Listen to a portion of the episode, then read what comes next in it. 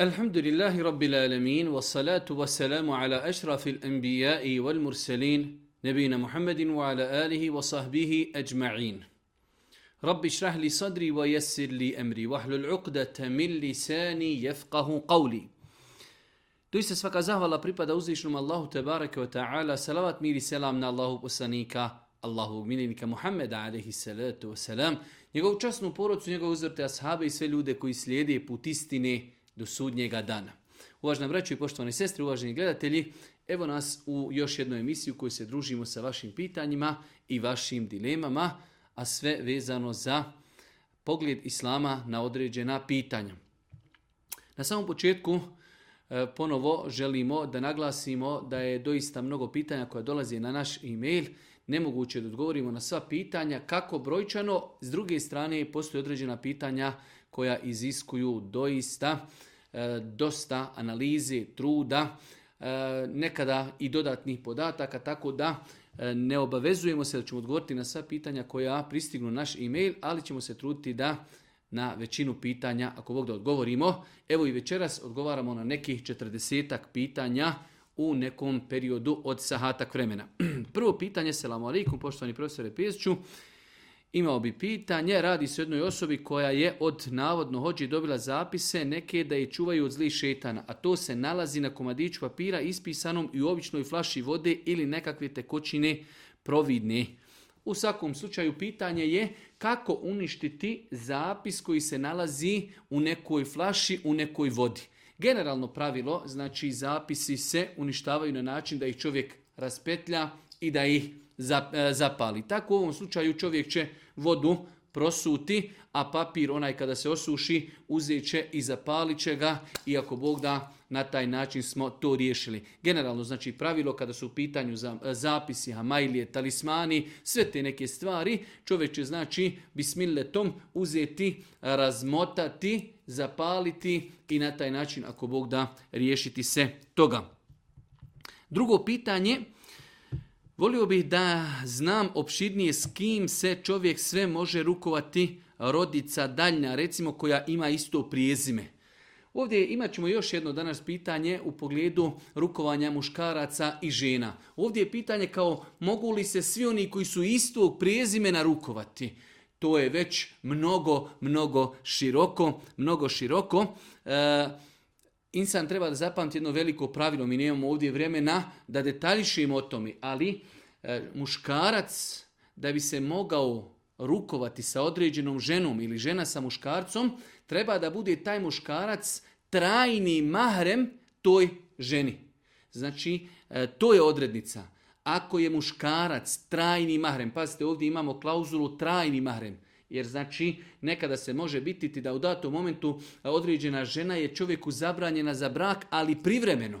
Pa treba da čovjek bude trajno mahrem i trajno ne može sa tom ženom stupiti u brak, sa takvom ženom se on u osnovi može rukovati ili može se žena sa njim rukovati.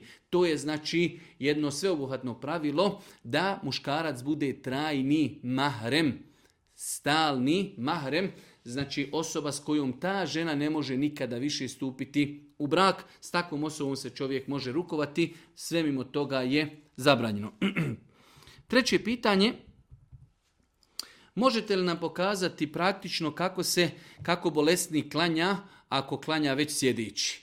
Dosta puta su nas e, ljudi e, tražili od nas da snimimo neki video, e, pa inšala možda se nekada to i desi. U svakom slučaju, evo, uzimamo da čovjek je bolestan i klanja sjedeći na stolici. Ono što je dosta puta ljudima nejasno jeste ta činjenica, znači čovjek će stajati, normalno će učiti euzu, bismillah, fatiha, sura, kada dođe da ide na ruku, pogjeće se malo. Nakon toga će se vratiti, semi Allahu limen hamide, rabbena velekel hamd, hamden kethiran i tako dalje. Nakon toga odlazi na seždu, pogeće se više nego što je bio poget na ruku. Znači i to je seđda, nakon toga se vraća, pa druga seđda. Znači kada činimo ruku, pogijećemo se malo. Kada činimo seždu, pogijećemo se više od toga. Ruke ćemo držati na koljenima ili na stegnima. Nećemo ruke na seždi podizati gore, niti ćemo podizati kakav predmet da bi na njemu činili seždu. Tako će znači postupiti insan koji klanja sjedeći. Isto tako će postupiti insan ne daj Bože, ako neko već klanja e, ležeći, znači ako može, znači pogijeće se ovako kako smo pokazali, ako samo znači može glavom, onda će znači pogijeti glavu na ruku, na seždi će pogijeti više i to je ono što čovjek može. Mi ovdje generalno govorimo o načinu klanjanja osobe koja ima validan razlog da klanja sjedeći ili ležeći. E sada, o tome šta je validan razlog, znači ne imamo vremena ovdje da detaljšimo. Generalno, znači ako insan klanja na stolici, ne može znači da e, čini ruku, ne može da ide na sećdu zbog operacije, zbog bolova u leđima. Znači kada dođe na ruku, on će se malo pogijeti, kada se vrati, kada ide na seždu, pogijeće se više, ruke će biti na koljenima ili na stegnima. To je, inšallah, mislim dovoljno da zna insan koji klanja sjedići. Četvrto pitanje. E, sanjala sam ime svog još nerođenog sina.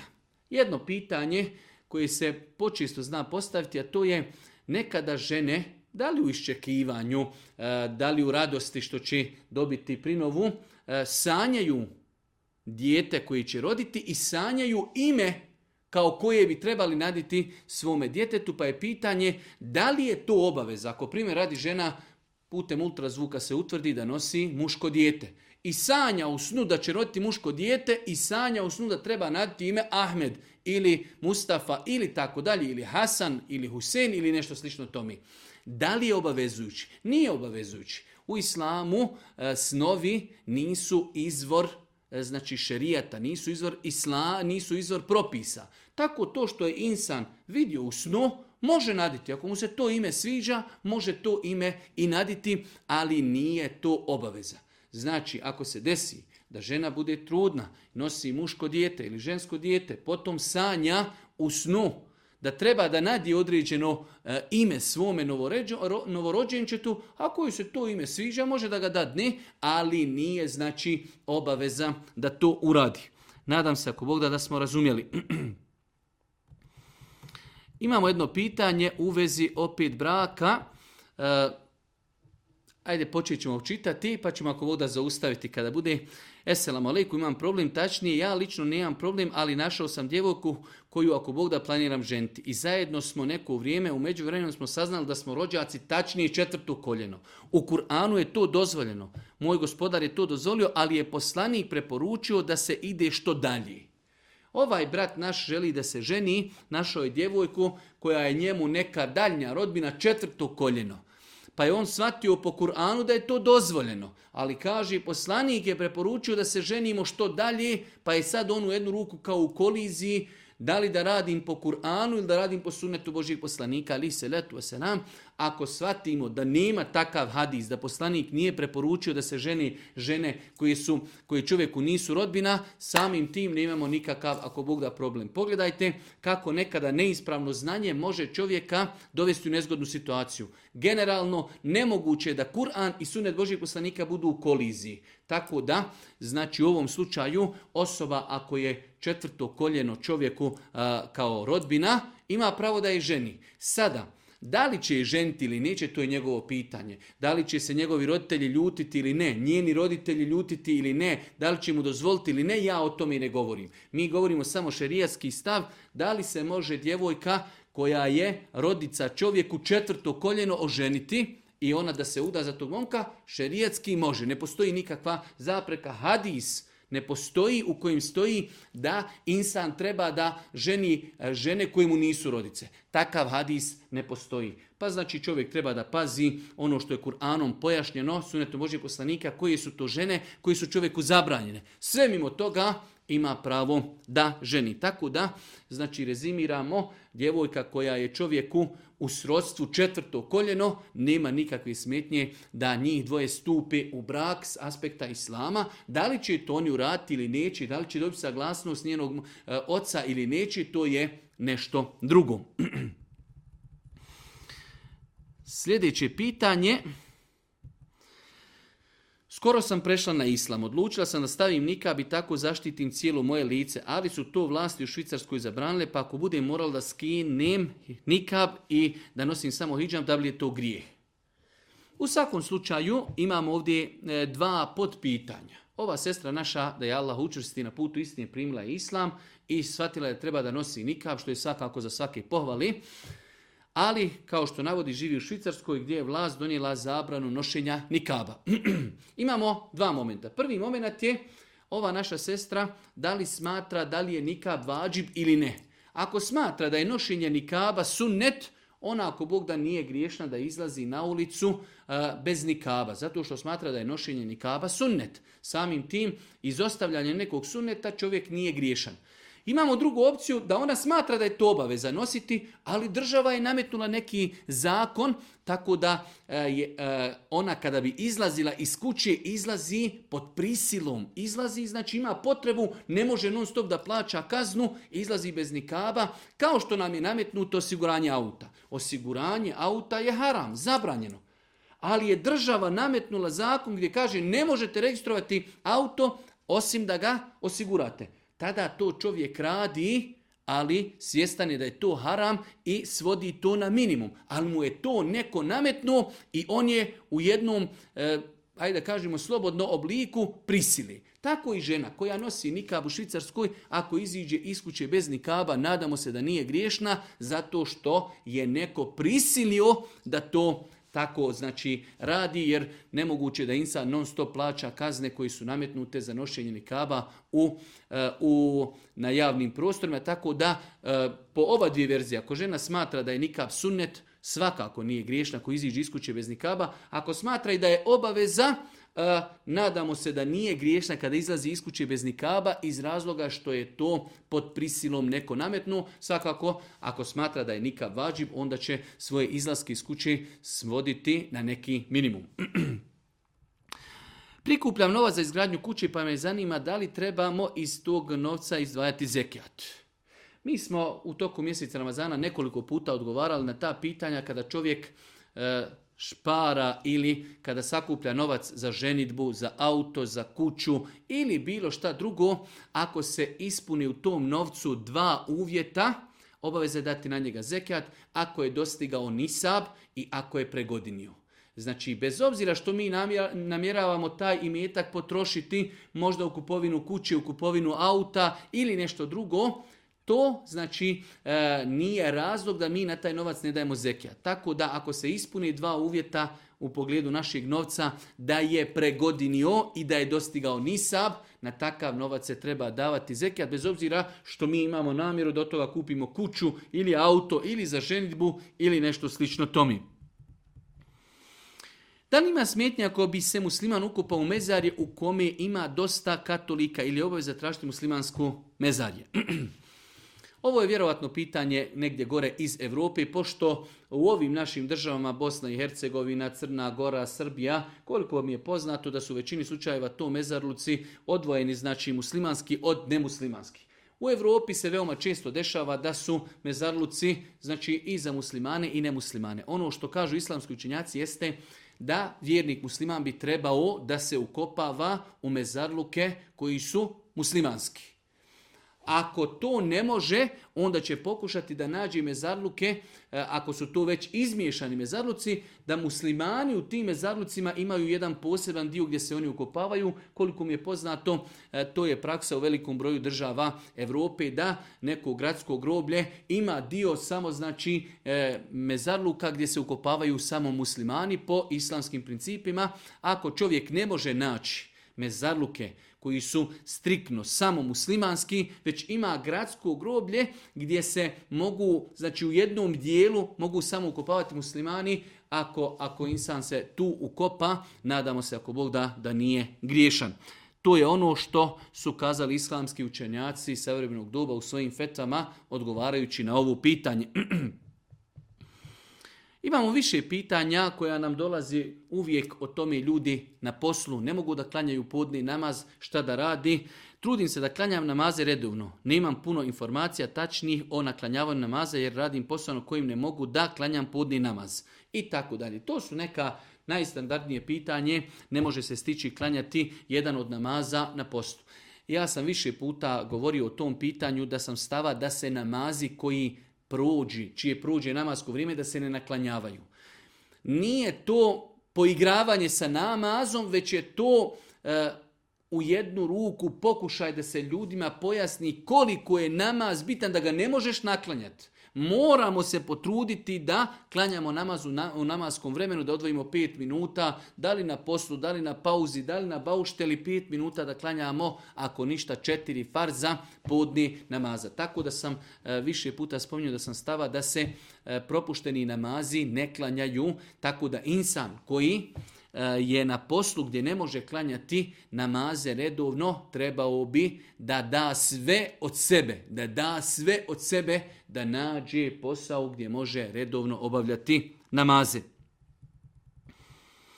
S obzirom da nisam zaposlena i novac koji imam je novac od moga muža, partnera, kada se odlučim da udjelim sadaku, tada je to opet od našeg zajedničkog budžeta, da li ja imam nagradu za to? E, došlo je u hadisu kojeg bilježi imam Buharija da je Allah poslanik ali salatu kazao kada žena da sadaku od hrani iz svoje kući, e, a to je hrana koja pripada njenom mužu, Kaže, i ona će imati za to nagradu i njen će muž imati nagradu jer je to zaradio, a i onaj koji je čuvar u njihovoj kući, ako ima neko ko se bavi čuvanjem tog imetka, i on će imati nagradu. Tako da, E, ono što je bitno, ako imamo naše sestre koje borave u kući, nemaju one svoje prihode, e, znači odgajaju svoju djecu, muž zarađuje na faku, e, žena prije nego što udjeli sadaku treba da traži dozvolu od svoga muža. Znači, da li da to bude dozvola riječima ili da to bude prešutna. Da kaže mužu, ja želim da dajem sadaku, on šuti, odobrava to ili da joj kaže da možeš mjesečno dadneš 10-20 maraka, što je najbolje, znači da muž da saglasno supruzi u davanju sadaki. Nakon toga ona kada izdvoji sadaku ima ako Bog da i ona nagradu za tu sadaku koju je izdvojila, a njen muž opet ima nagradu e, za sticanje na halal način tog imetka. Tako da znači kada je u pitanju žena koja nema svoj imetak, ali ima jednostavno e, u rukama imetak svoga muža. Muž ide na posao, ostavio je kod kuće novac, ona želi da udjeli sadaku, znači trebala bi žena da traži saglasnost svoga muža, ne mora svaki put da ga pita, ali da znači ima neku opću dozvol, da kaže mogu li ja svaki mjesec da iz našeg imetka dadnim 20, 30, 50 maraka sadake. Ako kaže može, znači to je ako Bog da u redu i nakon toga kada ona udjeli sadaku ima znači po vjerodostinu hadisima i ona će biti nagrađena, a i njen muž će biti nagrađen zbog toga što je sticao na faku. da li je obaveza izgovarati između dvije sežde u namazu Rabbir Firli? Imamo znači poznati zikr kada čovjek učini seždu pa se vrati, pa da kaže rabbi gfirli, rabbi Velik broj učenjaka je smatrao da ovaj zikr nije obaveza, nije vađiv dok je bilo učenjaka koji su govorili da je to obaveza. Tako da, kada god dođemo u situaciju da imamo dio učenjaka koji kaže nešto je obaveza, a drugi kažu nije obaveza, ako možemo mi da uvijek praktikujemo da to radimo, tada smo po svima ispravno postupili. Tako da i u ovom slučaju teško je kazati da je taj zikr vađib, rabir firli između dvije seđde, ali pošto je bilo učenjaka koji su smatrali da je to obaveza vađib, insan bi trebao da se trudi maksimalno da taj zikr ne ispušta i da ga uvijek, ako Bog dan, govori.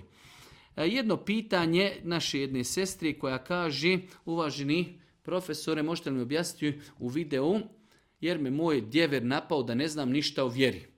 E, u svakom slučaju, taj njen djever kaže, ne klanja namaz, ali eto, on njoj tumači vjeru, pa kaže, on je njoj kazao kako je haram ići boriti se na Allahovom putu, da je haram klati životinje koji su nam dozvoljene da se jedu i da je haram, e, odnosno kazao je, e, ako kršćani budu dobri ljudi, da će oni u svemu tome ući u džennet. Znači ova naša sestra postavlja pitanje, imala je sa svojim djeverom neku, hajde da kažemo, neku debatu, pa joj je on kazao ti ne znaš ništa od vjeri i kazao je neka svoja tri stava u pogledu islama. Jedan od islama je da je haram ići boriti se na Allahovom putu, što je svakako neispravno i netačno. Onog momenta kada muslimani imaju potrebu da se bori, odlazak, borba na Allahom putu jedno je od najveličanstvenijih dijela u islamu, da čovjek dođe na nivo da svoj život daje za Allaha i za poslanika, za vjeru, za odbranu domovine, za odbranu porodce, za odbranu svoga života, za odbranu imetka, to je jedno od najveličanstvenijih dijela u islamu. E, zaklati kao životinju da je neispravno, iako je ta dozvoljena životinja da se jedi, što je svakako izan svake pameti, ako je životinja od onih životinja koji su dozvoljene da se jedu krava, ovca, koza i tako dalje, svakako da nema nikakve e, smetnje da insan bude taj koji će zaklati tu životinju, ako je to činio Muhammed alihi salatu wasalam, i ako su to činili njegovi ashabi, pa šta imamo mi nakon toga filozofirati. I treća ta neka konstatacija tog djevera koji mnogo poznaje vjeru jeste da čovjek mora biti samo dobar. I ko kaže da kršćani, a, kršćanin ako je dobar neće u džennet. E, neispravna konstatacija, mi muslimani vjerujemo da se ljudi dijeli u dvije kategorije, muslimani i nemuslimani, nevjernici. Insan ako umre kao nemusliman, naše uvjerenje i naše ubjeđenje na, na osnovu mnogo kuranskih argumenata i hadisa Božeg poslanika takav će vječno ostati u vatri džehennemu. To što je bio dobar, on je tu dobrotu naplatio na dunjalu, kuzišen Allah mu je davao na faku, davao mu je ugljed, davao mu je položaj, davao mu je djecu. Zbog svoje dobrote nevjernici imaju e, privilegije na dunjaluku. Na ahiretu im to ništa ne koristi. Vjerovanje muslimana u pogledu ljudi koji su umrli nemuslimani da će vječno biti u vatri. Opet pitanje, E, namaza i namaza, rekli smo da u islamu ne postoji naklanjavanje namaza, čovjek treba da se potrudi na poslu da, ako ništa, farz, e, znači u namazu koji podne četiri kjata farza da klanja, a ako ne može se izboriti, onda treba dati sve od sebe da nađe posao gdje može redovno klanjati. Esselamu alaikum, htio sam vas pitati, jeste li čuli za e, Teblik džemat i šta je vaše mišljenje o njima smije se s njima izlaziti tri dana fise bilila. Imamo jednu e, skupinu ljudi, jedan džemat, jednu organizaciju koji su, koliko mi je poznato porijeklo, vode, znači e, oni koji su osnovali e, te džemate, džemat teblig, su iz Pakistana, Indije i oni, njihova, njihova jedna najveća zadaća jeste da idu po svijetu i pozivaju ljude u islam. Ono što imaju pri sebi imaju mnogo, mnogo lijepih osobina, e, znači lijepog su ahlaka, spremni su na Allahovom putu kada je u pitanju pozivanje, e, znači ljudi pretrpjeti mnogo toga, ulažu svoj imetak, idu, pozivaju ljude, kucaju ljudima na vrata i tako dalje tako da su to doista izuzetno lijepa djela koja radi tako da zbog tog aspekta zaslužuju svaku pohvalu. Znači mnogo se trude u pozivanju ljudi, mnogo se trude u pozivanju ljudi, lijepog su ahlaka i mnogo je ljudi primilo islam sebe um takvih ljudi. E sada ostaje e, dva momenta.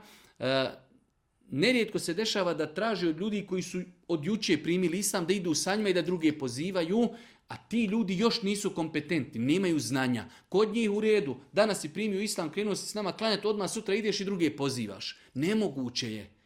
Kul hadihi se bili ed'u ila Allah ala basira. Reci ovo je moj put, pozivam Allahu. Na čemu? Ala basira, imajući jasne dokaze. Pa pozivanje Allahu mora biti zasnovano na znanju. Pa džema teblik ima jedan problem, a to je da velik broj ljudi koji izlaze pozivaju ljude da nemaju šerijetsko znanje. I druga stvar jeste e, to ograničavanje njihovo, to ovo ograničavanje, idemo izlazak tri dana ili izlazak 40 dana, nema nikakvo utemeljenje. Znači čovjek ako bi sa njima izišao da ide pozivati ljude bez ograničenja na tri dana, 40 dana, već jednostavno idemo dva, tri dana u neku državu, u neko selo, u neki grad, od vrata do vrata, od prodavnice do prodavnice, pozivamo ljude, Allahu subhanahu wa ta'ala, eh, insan ne bi pogriješio ako bi sa njima izišao s tim ciljem, s tim što ako kod njih primijeti nešto neispravno, a čovjek ima znanje, treba da im na to, na te njihove greške ukaže. To je neki rezime onoga što su islamski učinjaci kazali o džematu Teblig. Danas se gradi i džamije i podižu zajmovi krediti kod banaka. Da li je ovaj postupak u skladu s islamom? Podizanje zajmova ili kredita nije sporan ako to nije kamatni kredit. Znači podići kredit da bi ljudi napravili džamiju, ali ako taj kredit nije, ako taj kredit nije kamatni, nije sporno. Tako da, e, znači vjerujem da se ovdje misli, ali ne znamo mi šta se misli, već ono što piše. Znači podići kredit da bi se gradila džamija nije sporno. Ako džematlije se dogovori da mogu oni vraćati taj dug kod banke koja im je dala kredit koji nema kamati. Kao što su radila naša neka vraća po Europi kada su kupovali prostorije za e, svoj džemat. Znači dogovorili su se određenim bankama da dobiju e, kredit u kojim nema kamati. To je uz Allahu pomoć ispravno. Ali većina pitanja u današnjem vremenu e, ovog kalupa se odnose na kredite u kojima ima kamati. Nije ispravno podići i uzeti e, kredit kamatni da bi se gradila ili izgradila džamija. Ljudi treba da ostanu pod kirijom dok mogu. Znači, nek se organiziraju, e, znači prikupljaju novac i onda kada ili nađu mogućnost da ih neko kreditira bez kamati ili da sakupi dovoljno novca, ali e, uzimanje kamatnog kredita da bi se gradila džamija je neispravan postupak. E, jedno pitanje, znači imamo jednu našu sestru koja kaže, naime želim uplaćivati određenu sumu novca na mjesečnom nivou za jednu ustanovu. Pitanje je, znači na kraju u pitanju je trajni nalog. Da li je problem da čovjek e, da trajni nalog i taj nalog se realizuje preko banke? To je pojenta ovog pitanja. Da li je sporan u islamu trajni nalog koji se realizira preko banke? Ako insan može realizirati trajni nalog e, direktno, neka tako i radi ali u većini slučajeva danas je običaj da se radi trajni nalog, da se e, napiše nalog od moje plate dok moja plata legni na račun, odvojite 10 maraka za taj projekat ili 20 ili 50, manje ili više. Nadam se da nema u tome ništa šerijetski sporno, da čovjek e, znači e, obaveže se da će određenoj instituciji putem trajnog naloga davati znači sredstva u godini dana ili dvije u vrijednosti 10, 20, 50 maraka koliko on odredi i da se to realizira putem banke. Ne vidim inšalutom ništa sporno. Prilikom učenja Korana na pamet, kada se uči ajat u kojem se nalazi sežda, tilavet, kako je najpravilnije postupiti? Znači, u čemu se radi? Mi u Koranu imamo u određenim surama i određenim ajetima seždu tilavet kada insan uči tu taj ajet, pohvalno je kada završi sa tim ajetom da uradi seđdu. E sad, imate ljudi koji hivzaju Kur'an, pa znači mora on taj ajet ponoviti 20-30 puta da bi ga naučio na pamet. E sad prilikom znači tog ponavljanja hoće li svaki put uraditi seždu. Nema potrebe, dovoljno je ako Bog da prvi puta kada prouči taj ajet da uradi seždu i nakon toga da ponavlja taj ajet da ponavlja taj ajet bez činjenja seždi. Iako je bilo učenjaka od kojih šehi e, Bimbaz i još neki koji su kazali, ako bi čovjek svaki put uradio seždu, definitivno da je to bolji. Ali smatram da je to jedan vid e, otežavanja osobama koje uče Kur'an na pamet. Znači dovoljno da insan kada hivza Kur'an, kada naiđe na ajet u kojem ima sežda, jednom da uradi seždu i nakon toga da taj ajet ponavlja, hivza memoriši i ne mora više činiti ako Bog da seždu i nadam se da je ispravno postupio. Naime, imam često situaciju u kojoj imam sumnju da sam počinio grijeh. I onda me to muči, ne znam da li da se pokajem zbog toga ili ne. Ovo su standardni problemi sa vesvesama, došaptavanjima šetan. Čovjek ima vesvesu da li je uradio grijeh ili nije. Čovjek koji pod navnim znacima nema problema sa vesvesom zna. Jesam li uradio grijeh ili nisam. Ovdje kaže imam sumnju da li sam počinio grijeh. I još je bio nastavak pitanja kojeg sam ja izbrisao, tako da u pogledu ovakvih situacija čovjek, rekli smo, najbolji način borbi protiv vesvesa jeste ignorisanje. Znači šetan dolazi rekao si to, uradio si to, trebao si ovako, trebao si onako. Znači apsolutno ignorisanje najbolji način borbe protiv došaptavanja. Imamo pitanje broj 19, studata sam i prije to, prije udaje nisam nosila hijab. Allah me je uputio, žena je se pokrila. E sada muž kada je saznao da je se ona pokrila, a oni imaju dvoje djeci, muž znači želi da se razvede od te žene zato što je se ona pokrila. Pa ona pita nas šta da radi. Ja sam ovo pitanje samo postavio ovdje, nešto mogu dati na njega odgovor. Ovo je jedno od pitanja gdje je veoma teško dati odgovor. Imamo sestru koja se pokrila, Znači umjesto njen muž da je nagradi, da joj dadne 2000 eura i kaže Allah te nagradio, idi sebi kupi dobru naruknicu, kupi sebi lančić zlatni, ti si pokorna Allahu, stavila si hijab, on joj kaže ja ću se razvesti od tebe i ostaviti djecu zato što se pokrila. E, ovo je izuzetno teško pitanje. E, ja na njega ne mogu dati odgovor, iako vjerujem da velik broj naših vraći i sestara bi dao odgovor toj ženi šta treba da uradi, da li da skine mahramu ili da o, ostani pri mahrami pa da dođe do razvoda braka, jedno veoma teško pitanje, ali sam ciljano citirao ovo pitanje da vidimo do kojeg nivoa ljudi mogu oslabiti imanski, da čovjek ne budi zahvalan i sretan što se njegova supruga pokrila. Ja znam ljudi koji bi možda dali e, desetine, ako treba i stotine hiljada maraka, eura da mu se supruga pokrije. Toliko mu to bilo e, drago, Imate druge strane ljude koji žena kada se pokrije, on hoće da je razvede zbog toga. Pogledajte koliko je taj komunizam utjecao na ljude, da se ljudi stide te mahrami, umjesto da je, da je on e, pomogni, pomogne, da je on podrži, da kaže Allahu ekber, Allah te nagradio, svaka čast i tako dalje. Muž želi da se razvede od žene zato što se pokrila. Allahu dragi i vjerujem da tog čovjeka upitate musliman, ja šta musliman, poginit za islam. Subhanallah il azim, koliko se ljudi mogu odaljiti od svoje vjere i koliko se mogu poniziti. Ovo je poniženje, da se taj insan toliko poniži, ponizi da je njega stid njegove supruge što je se ona pokrila. Pa je ovo samo jedan pokazatelj u kakvom halu i stanju mi živimo. Da imamo muškarce koji hoće da razvedu svoju ženu zato što se ona pokrila.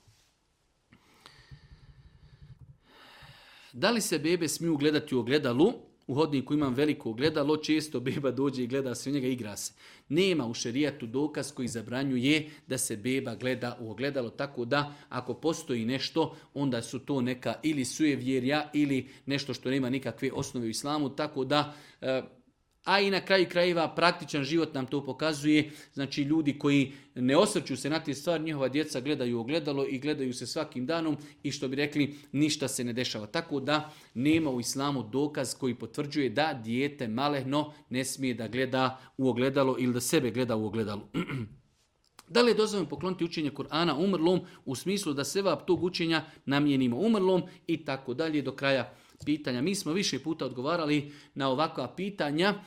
E, u hadisima Božih poslanika ali se letu selam je došlo da određena djela nakon smrti čovjeka, ako za njega ljudi uradi, ono toga ima korist. Kao što je došlo za sadaku.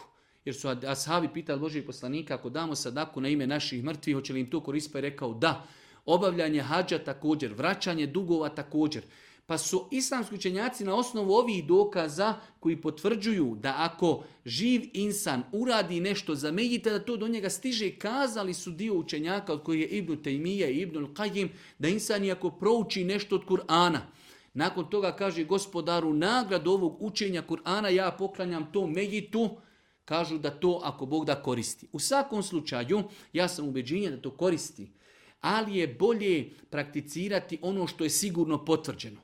Ako već hoćemo koristiti u rat nešto za našeg mejta, onda najbolje dadnemo na njegovo ime sadaku, da pošaljemo nekoga da za njega obavi hađ, da za njega dovimo i tako dalje. To je ono što je sigurno potvrđeno hadisima Allahovog poslanika. A ako bi neko i znači proučio nešto od Kur'ana i poklonio to svojim nekim e, znači mrtvima, mi se duboko nadamo da je to ispravno ispravno djelo. Svakako ovdje se misli na učenje Kur'ana bez novca, da čovjek prouči sam za sebe, prouči tri puta kol valla ili prouči ajtul kursi, prouči bekaru, prouči hatmu i onda on kaže gospodaru ja koji sam to proučio, nagradu koja treba meni da sljeduje ja je poklanjam tom svom mejitu, nadamo se inšala da će mejit od toga imati koristi.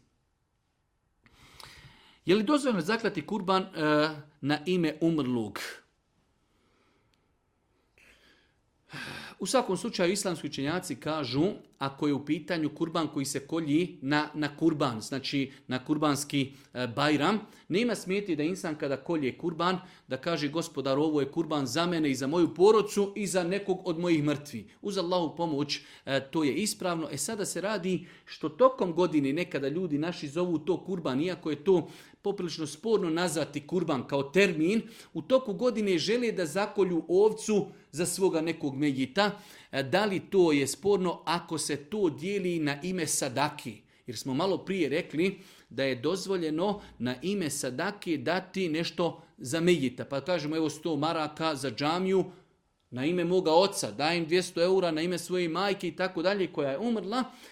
Tako u tom kontekstu ako bi u toku godine zaklali kurban ili zaklali ovcu, bolje kazano, i to meso podijelili na ime sadaki za našeg medjita, ako Bog da to je, to je ispravno. Nadam se, ako Bog da, da smo razumjeli odgovor.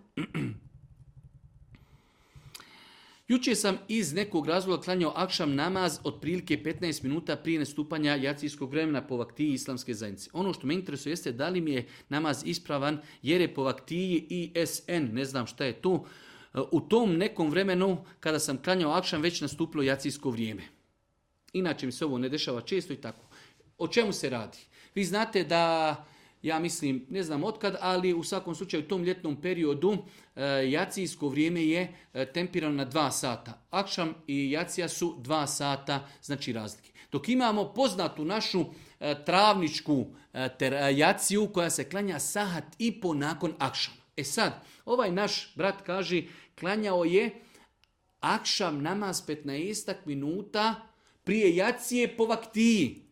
Ja lično sam ubjeđenja da znači insan treba da se pazi takvih stvari. Po mom nekom skromnom mišljenju ono što se radi u travniku da se klanja jacija nakon sat i po vremena je ispravno. Znači namasko vrijeme jacije nastupa sat i po vremena nakon akšama. U ovom slučaju ovaj naš brat je se vodio po vaktiji koja je tako napravljena da je dva sata od akšama do jacije ali se može, kao što ljudi u travniku rade, i nadam se da i sada tako rade, može se klanjati jacija i malo ranije, tako da insan treba da pazi na svoj akšam namaz i da se ne poigrava sa tim pitanjima, po mom nekom skromnom mišljenju, e, sahatak vremena od akšama, znači u ti sahatak vremena bi se trebao klanjati akšam da insan ne odgađa klanjanje akšam namaza, više od sat vremena. Već nakon sat vremena to je taj neki period, prilazni period kada lagano, lagano nastupa jacija namaz, tako da e, ovo Allah najbolje zna što je urađeno je greška, tako da e, trebalo bi se pokajati za takav postupak i ja lično bi preporučio da se možda taj akšam i znači sad da li ima potrebi da se naklanjava ili nema, ali u svakom slučaju znači trebalo bi se zbog toga pokajati i da se to više ne ponavlja. Upoznao sam ovdje jednu šabicu, ona nije muslimanske vjeri i ona bi da prijeđe na islam samo da bi bili zajedno. Kakav je stav islama po tom pitanju? E, ovo me podsjećano na hadis Božijeg poslanika kada kaže innemel a'malu bin nijat djela se vrednuju po namjerama. Pa kaže Allahu poslanik, onaj ko uradi hijđu radi Allaha i poslanika, njegova hijđa je Allahu poslaniku. Ako uradi hijđu radi dunjaluka ili radi žene da bi oženio, njegova hijđa je zbog onoga što je i, i uradio. Tako da ova žena švabica, ako želi da primi islam, onda treba da primi islam iz ubjeđenja da je islam istina na osnovu dokaza, na, na, osnovu razumijevanja, ne da primi islam samo zato da bi bila sa tim nekim čovjekom, to je Allah najbolje zna neispravno, znači ako neko prima islam, treba da prima islam iz uvjerenja, iz ubjeđenja, na osnovu dokaza koji potvrđuju istinitost islama. da li žena može da skine hijab ispred dajđinog i amidžinog sina, odnosno njenog dajđića i amidžića? Ne može. Znači, e, djeca od dajđe i djeca od amidže nisu trajni mahremi ženi i tako da ona pred njima ne može skidati mahramu. Žena može skinuti mahramu pred svojim amidžom, pred svojim dajđom, ali pred njihovom djecom ne može jer joj oni nisu trajni mahremi. Znači, rekli smo na početku emisije da žena treba da zna ko su joj trajni mahremi, ko nije trajni mahrem, Shodno tome dolazimo do propisa s kime se može rukovati i pred kime, pred kime može skinuti mahramu.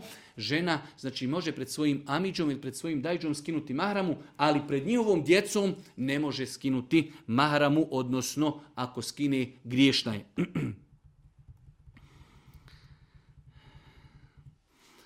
Kada, na primjer, muž i supruga stupe u spolni odnos, u međuvremenu se probudi dijete i traži da ga majka nahrani, da li smije žena da dadne u takvom stanju dijetu da jede ili je obavezna da se okupa. Nema problema da žena znači koja je u džunup stanju nahrani svoje dijete prije kupanja. Veliko bi otežanje bilo da bi kazali majci koja eh, hrani dijete, da mu ne možeš nahraniti dijete, treba da se prije toga okupaš. Znači, eh, džunupluk kao džunupluk je, džunupluk kao džunupluk je pravna nečistoća. Insan kada je džunup je u stvarnosti čist. Kao što potvrđuje hadis Ebu Hureyri koji bilježi Buharije, muslim da je Allah poslanika ali se letu wasalam, Ebu Hureyri koji je se malo sklonjao od Božijeg poslanika jer ga je bilo stid pošto je bio džunup, pa je otišao kući, okupao se, pa je Božji poslanik pitao gdje si bio, kaže ošao sam, otišao sam da se okupam, bilo me je stid da sjedim pored tebe, a bio sam džunup, pa je Allah poslanik kazao subhanallah, Innel mu'mine la jenđus. ne može biti nečist. To je pravna nečistoća, nije stvarna. Tako da žena koja je u džunup stanju nije stvarno nečista. Ona je pravno se treba da se okupa da bi mogla klanjati, ali ona može svome mužu napraviti e, kahvu, može napraviti pitu, može dati svome dijetu mlijeko, znači nema nikakvih problema da žena u e, situaciji dok se još nije okupala da nahrani svoje dijete bez ikakvi, bez ikakvi onaj smetnji. Selam aleikum, da li su bijeli dani 13, 14, 15 ili može biti 14, 15 i 16 ako su mjesec 20, 29 ili 30 dana. Jedan naš brat ima nejasnoću, e, nekada u islamu mjesec može imati 29 dana, nekada 30. Pa je njemu to došlo kao neka nejasnoća, da li ti bijeli dani, E, su 13., 14. i 15. ili je to 14., 15. i 16. Tačno je da su bijeli dani 13., 14. i 15. jer je to tako definisao vjerodostojno hadisma Allah poslanika ali se letu sram Bez obzira da li mjesec imao 29 dana ili 30 dana, bijeli dani su 13., 14. i 15. dan znači šerijetskog ili hijđetskog mjeseca. Počela sam klanjati redom prije četiri godine. Vidjela sam nedavno da se prodaje halal lak za nokte, marke ta i ta, imaju certifikat. Da li je to dozvoljeno koristiti? U svakom slučaju ja moram reći da još taj halal lak nisam vidio. Samim tim ne mogu dati odgovor na ovo pitanje. Ono što je odrednica koju islamski učenjaci postavljaju jeste da je obaveza prilikom pranja ruku ili uzimanja abdesta da voda dođe do svakog dijela tijela. Meni je to poprilično sumljivo, da može biti takav vlak, da toliko je on elastičan da propušta vodu, da dođe skroz do nokata, ali ako postoji, onda je to ispravno. Ali treba se insan dobro paziti i ja sam lično stava da naše sestre to trebaju izbjegavati dok se zaista ne potvrdi. Ko je dao certifikat, ja ne znam. Bitno je da to ulema vidi i da ulema provjeri i da ulema da E, odgovor da li je to halal ili ne. Neko dao certifikat, ko je dao certifikat, ja to ne znam, nisam vidio, ne mogu dati odgovor. Moj savjet je, treba se paziti, u pitanju je krupna stvar, u pitanju je namaz. Veoma je teško da mi nešto zalijepimo po noktu i da opet kroz sve to prođe, kroz sve to prođe voda i dolazi do nokta. Veoma teško za mene skoro pa nemoguće, neću kazati nemoguće, dok ne bi vidio ne mogu dati odgovor, ali moj savjet je da se to izbjegava dok učenjaci ne vide o čemu se radi i dok ne daju svoj odgovor i svoje mišljenje po tom pitanju. Zovem se tako i tako, Radim u Njemačkoj kao medicinski tehničar. Moje pitanje je sljedeće. Za vrijeme moga rada dana, radnog dana u bolnici obavljam faz namaz redovno. Ponekad se desi da dok, dok ja obavljam namaz, neko od pacijenata zvoni na zvono za hitni slučaj. Pitanje je da li je dozvoljeno prekinuti namaz ako čovjek radi kao tehničar i neko od pacijenata u toku namaza pricnije zvono za hitni slučaj. Allah najbolje zna, vjernik bi trebao, ako može, da znači e, se s nekim dogovori, kada počne klanjati da kaže ja pet minuta obavljam molitvu, obavljam namaz, ako neko zvoni možeš li ti za mene da to uradiš. Ako ima mogućnost, ako nema mogućnost, ako je on sam na određenom odjelu, ako je zaista zvono za hitni slučaj, islamski učenjaci su kazali osnova je da vjernik kada klanja farz, ne treba ga prekidati. Ali ako postoji potreba, u ovom slučaju može se raditi o spasavanju ljudskog života, dozvoljeno da čovjek prekini takav namaz, da se odazove, nakon toga ponovo da klanja. Ali kako se to ne bi možda dešavalo više puta, ako može i kako da nađe neku zamjenu. Znači ako ima više tehničara da kaže, evo možeš li ti samo malo dežurati 5 minuta dok ja klanjam farze, ako bi neko zvonio da se ti odazoveš ako ima ta mogućnost, to je najbolji. Ako nema, ako zvoni zvono za hitne slučajeve, Allah najbolje zna, dozvoljeno je prekinuti namaz, nakon toga će čovjek ponovo klanjati namaz.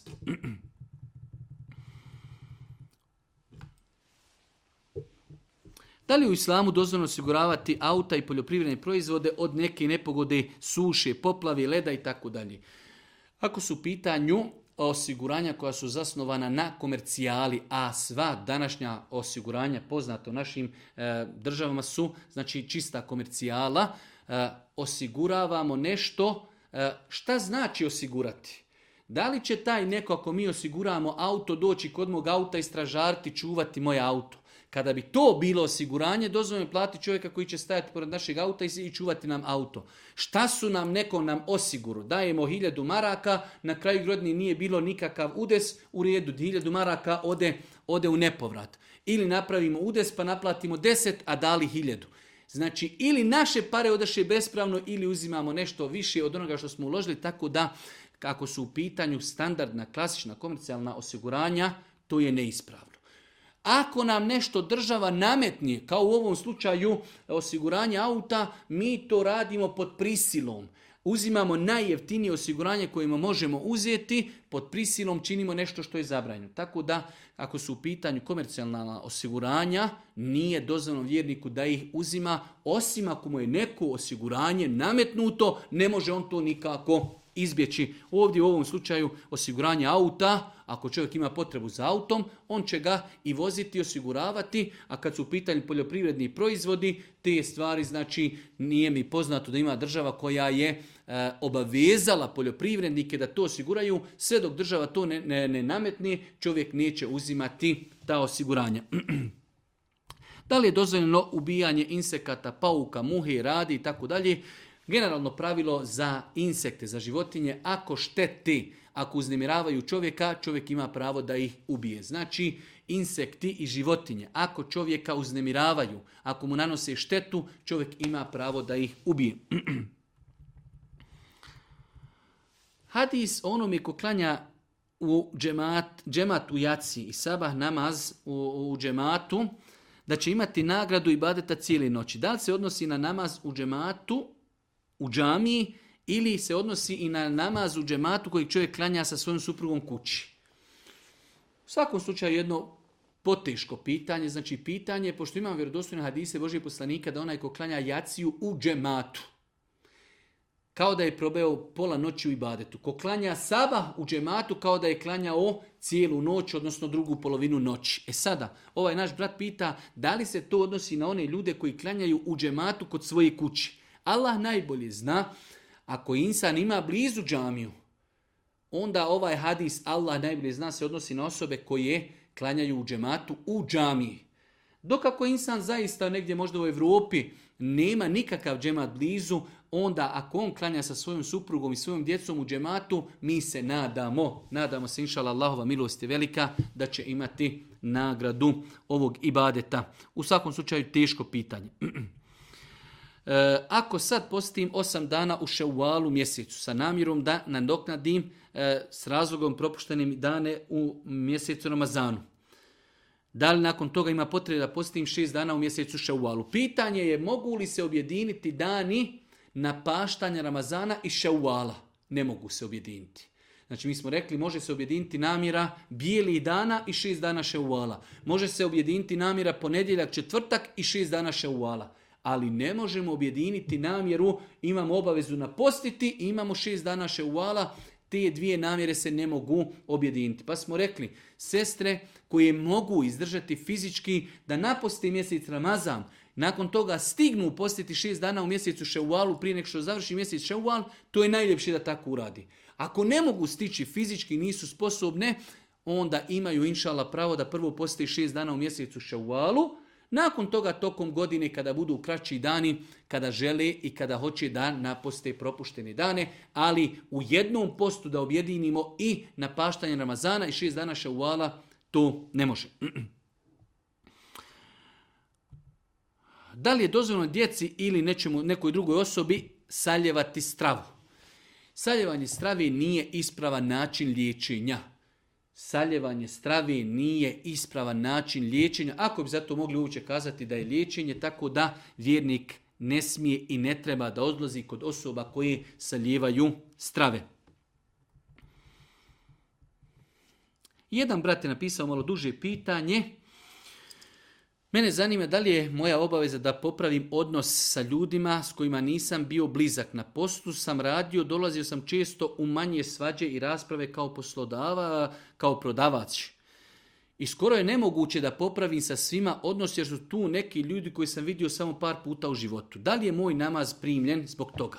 Pitanje čovjek radi u prodavnici, znao se nekada malo posvati sa ljudima, te ljude možda više nikad nije vidio u životu, da li se njegov namaz prima zbog toga što on imao razmjerice sa tim ljudima. I sam on ovdje kaže, skoro je nemoguće.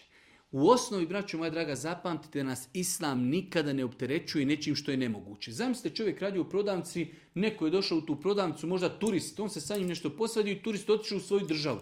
Šta mislite mi tom čovjeka je moraš se ti sa njim nešto pomiriti? Nemoguća misija pa u islamu nemoguće da islam insanu nešto nametni što je nemoguće.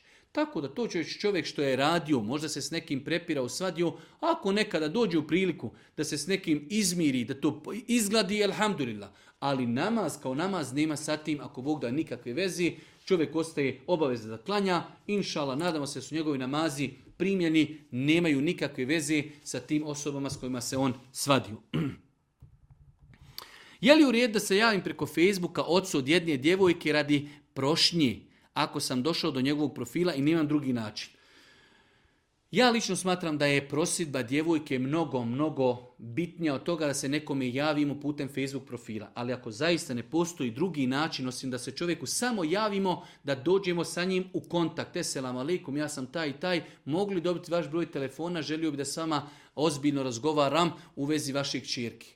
Mislim, znači da samo sa ocem od djevojke stupimo u kontakt da nam dadne broj telefona pa da se čujemo, ako ne postoji drugi način da mu se javimo, da ali je brak mnogo, mnogo ozbiljnija stvar da bi se mi e, o tom pitanju sa tim čovjekom dopisivali putem Facebooka. Tako da moj savjet, ako postoji ikakva mogućnost da od tog čovjeka dobijemo broj telefona pa da ga lično nazovemo i da tražimo sa njim sastanak, da sjedimo, da popijemo kahvu, da se upoznamo i da mi razgovaramo, ako Bog da, o braku sa njegovom čirkom, svakako. Ako ne postoji drugi način, osim da mu se putem Facebooka javimo, da ga kratko upoznamo šta želimo, nadamo se inšala da to nije problem. Ovo više govorimo ne u smislu šerijetski zabranjeno, zabranjeno kao nešto, da li nešto doliči ili ne doliči. Ne doliči brak je mnogo e, bitnija stvar da bi se to dogovaralo putem Facebooka.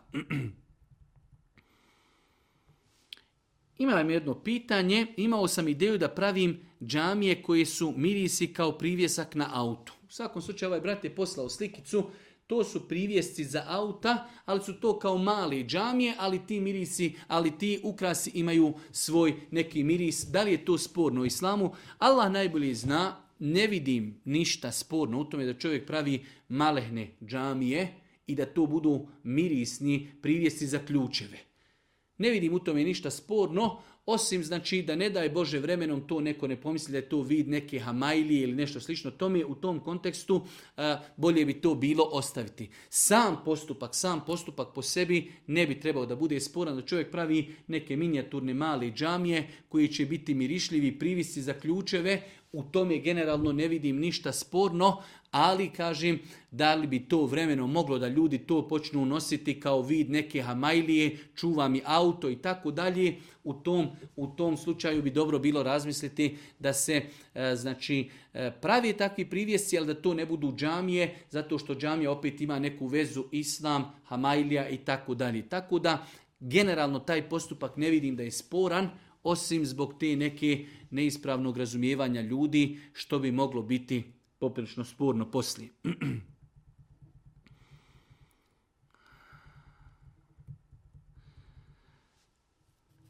Pitanje u vezi novorođenčeta 20 dana je bebi, beba stalno okicama vrti kao da nešto leti i lebdi ispred nje e, i smije se i tako dalje. U svakom slučaju, kao da li djeca, bebe u tim momentima vide meleke, nije mi poznato da postoje argumenti e, koji ukazuju da mala djeca mogu vidjeti meleke.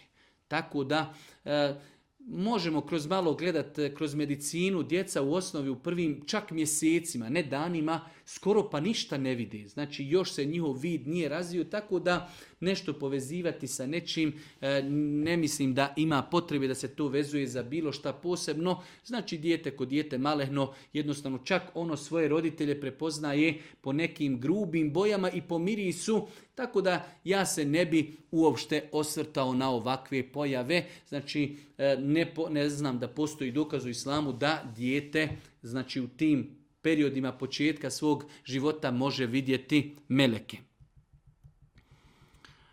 I zadnje pitanje, nadam se da je zadnje, neka naša sestra kaže da je pokrivena, e, pa u svemu tome e, pita kako i na koji način da žena e, nadomjesti D vitamin.